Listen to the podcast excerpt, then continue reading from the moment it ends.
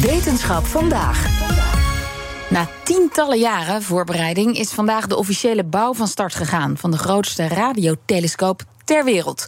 Een project waar ook Nederland een belangrijke rol bij speelt. Daar gaan we het over hebben met wetenschapsredacteur Carlijn Meiners. Hey Carlijn. Hallo.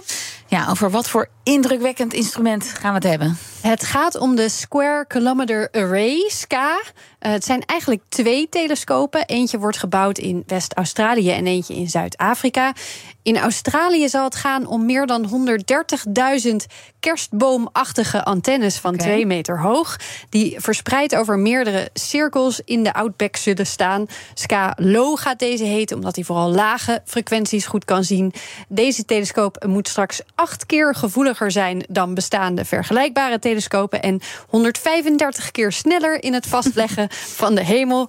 En dan heb je nog Ska Mid. Die, komt, die is in de middenfrequentie zit. Die komt in Zuid-Afrika te staan. Bij de schotels van de Meerkat-telescoop die er al staat.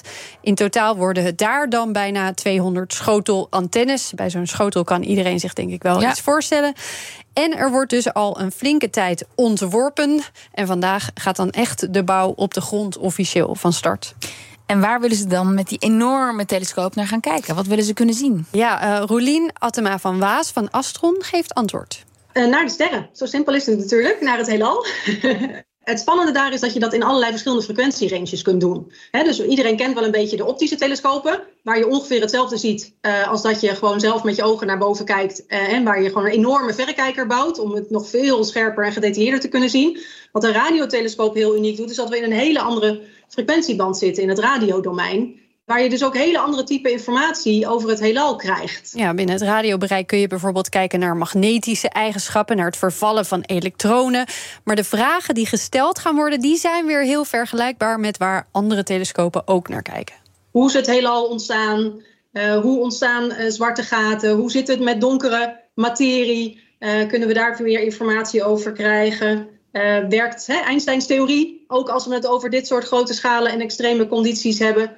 Uh, dus dat blijven toch uh, de grote vragen waar sterrenkundigen hun antwoord op willen. Ja, ze zei ook al, deze telescoop wordt, zoals ik al zei, hè, veel gevoeliger. Dus de kans is ook heel groot dat we dingen gaan vinden die we, waarvan we nog niet eens weten nee. dat het kan of dat het bestaat. Of dat we er naar op zoek zijn. Precies, ja. precies. Dat is het mooie altijd met zulke hele grote nieuwe telescopen. We kunnen uh, terugkijken naar de eerste sterren straks. En nog even voor een idee van die gevoeligheid. Een onderzoeker zei het tegen The Guardian wel heel mooi. Je zou met SCA een mobiele telefoon in de zak van een astronaut op Mars kunnen zien. 225 kilometer, een miljoen kilometer van ons af. Ja, daar wordt dus samengewerkt. Er wordt door meerdere landen uitgevoerd. Ja, ja, het is een internationale samenwerking van 270 bedrijven en onderzoeksinstellingen. 20 verschillende landen. Vanuit Nederland zijn het MBO en Astron die de leiding hebben. Uh, de Nederlandse overheid heeft hier dus ook flink wat geld okay. in zitten. Betekent ook dat je daarmee recht hebt op een deel van de contracten. Uh, voor het ontwikkelen van instrumenten bijvoorbeeld. Daar lopen al een paar mooie projecten. Die zijn al eerder begonnen. En dat zit voor een groot deel aan de datakant. Want uit zo'n enorme telescoop, die de metingen van al die antennes dus combineert, komt een bizarre lading data. Dat gaat voor Scalo over een totale ruwe output van data van 157 terabytes per seconde. Dat betekent dat we het over 4,9 zettabytes per jaar hebben. Dan zou je het hebben over 35.000 dvd's iedere seconde. Nou is dvd natuurlijk bijna alweer een heel oud medium om de vergelijking mee te maken. Dat is ook als je het wil vergelijken ongeveer vijf keer het totale internetverkeer. Zoals we het in 2015 uh, hadden. Van de hele wereld. Dus het gaat wel echt over aantallen. Ja, heb je een beetje een idee? Ja, goede, goede vergelijking. Ja. En dat is dus alleen nog maar de telescoop die in Australië komt te staan. Die in Afrika produceert iets minder data, maar is nog steeds heel erg veel. Dus er zit een enorme uitdaging in de verwerking van al die gegevens. Nou, op dat gebied speelt Nederland een belangrijke rol. Een van de bedrijven die al begonnen is, dat is Topic. Je hoort uh, een voor ons versimpelde versie van wat ze dan precies aan het maken zijn. Als je een signaal bekijkt van een radiotelescoop, dan komt er altijd een radiomagnetische golf binnen.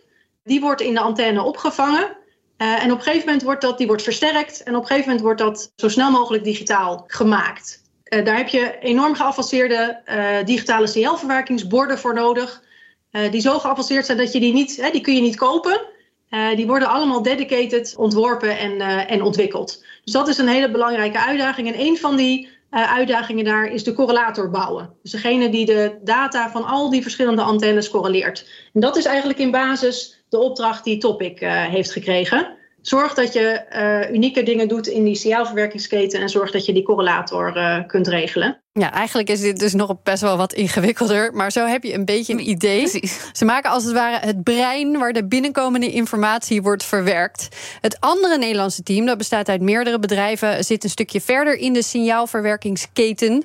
Je hebt die gecorreleerde data en dan heb je weer allerlei softwarelijntjes daarachter. Want in het ene onderzoek wil je de data uh, op een bepaalde manier bekijken of gebruiken. En in een onderzoek misschien weer in een hele andere vorm.